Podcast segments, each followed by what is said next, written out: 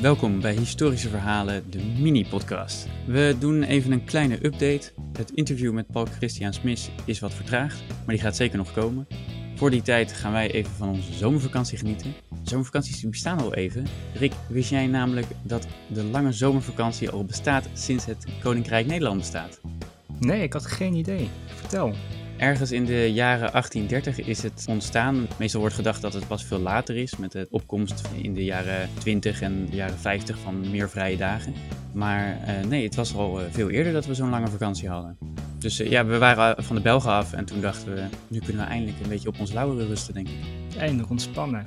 Ja, ik heb dus een beetje verdiept in uh, de geschiedenis van de vakantie. En mijn persoonlijke conclusie was dat vakanties met name iets is voor mensen met heel veel geld. Met buitenhuizen, voor Romeinse senatoren, voor fabriekseigenaren en dat soort lui. Mm -hmm. Totdat er iets meer gelijkheid kwam en de gewone man uh, ook op vakantie konden. En dat is inderdaad een beetje vanaf de 19e eeuw. Ja, en nu is het bitter een noodzaak. Ja, ja, dat blijkt. Ben jij uh, toe aan vakantie? Ik uh, ga heel historisch verantwoord wandelen in de bergen. De bergen zijn immers oud. Goed punt.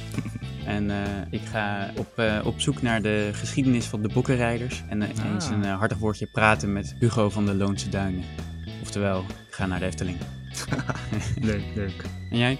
Uh, ik ga ook naar de bergen, de, de Beierse Alpen. Oké. Okay. Inderdaad, bergen zijn oud. Maar wat iets historisch verantwoorder is, is München. Natuurlijk sowieso een oude stad. En in München heb je het Hofbrouwhaus. Dat is een tent die vroeger bier maakte voor Willem V en voor andere hoge dieven. Ik ben een paar jaar geleden geweest en je kan daar van die, uh, van die literpullen krijgen. Maar wat ook nog een boeiend feitje is, dan gaan we van Willem V gaan naar Adolf Hitler. In dat Hofbräuhaus heb je ook allemaal zalen. En in een van die zalen is Adolf uh, verkozen tot leider van de nazi-partij. Dus ik weet niet of je meer historisch verantwoord aan het bier kan gaan. Nou, dat uh, klinkt eigenlijk wel een stuk historisch verantwoorder dan mijn vakantie. Weet je wat, ik verheug me wel gewoon op de geschiedenis die weer komt als ik terug ben. Dat we lekker met Paul gaan praten. En met, uh, met, met wie komen we nog meer te praten? Ja, dus er staan een paar namen op het lijstje. Eind augustus gaan we in gesprek met Femke Robel. Uh, zij heeft een verhaal geschreven dat zich afspeelt in het mooie Leiden. In het jaar 1807. Kruidramp, als ik me niet vergis. Juist, juist. Gaat over een... Uh, moet dan gaan verklappen?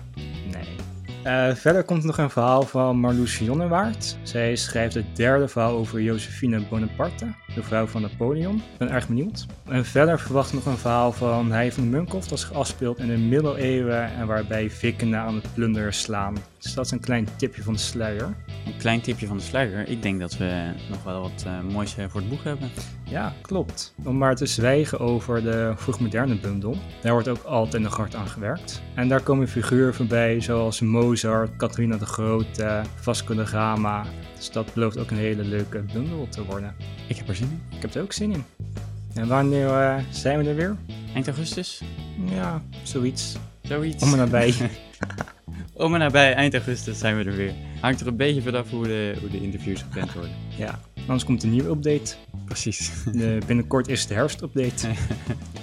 Dan uh, wens ik jou uh, een hele mooie historische zomer. Ja, dank je. Hoi hoi. Doei.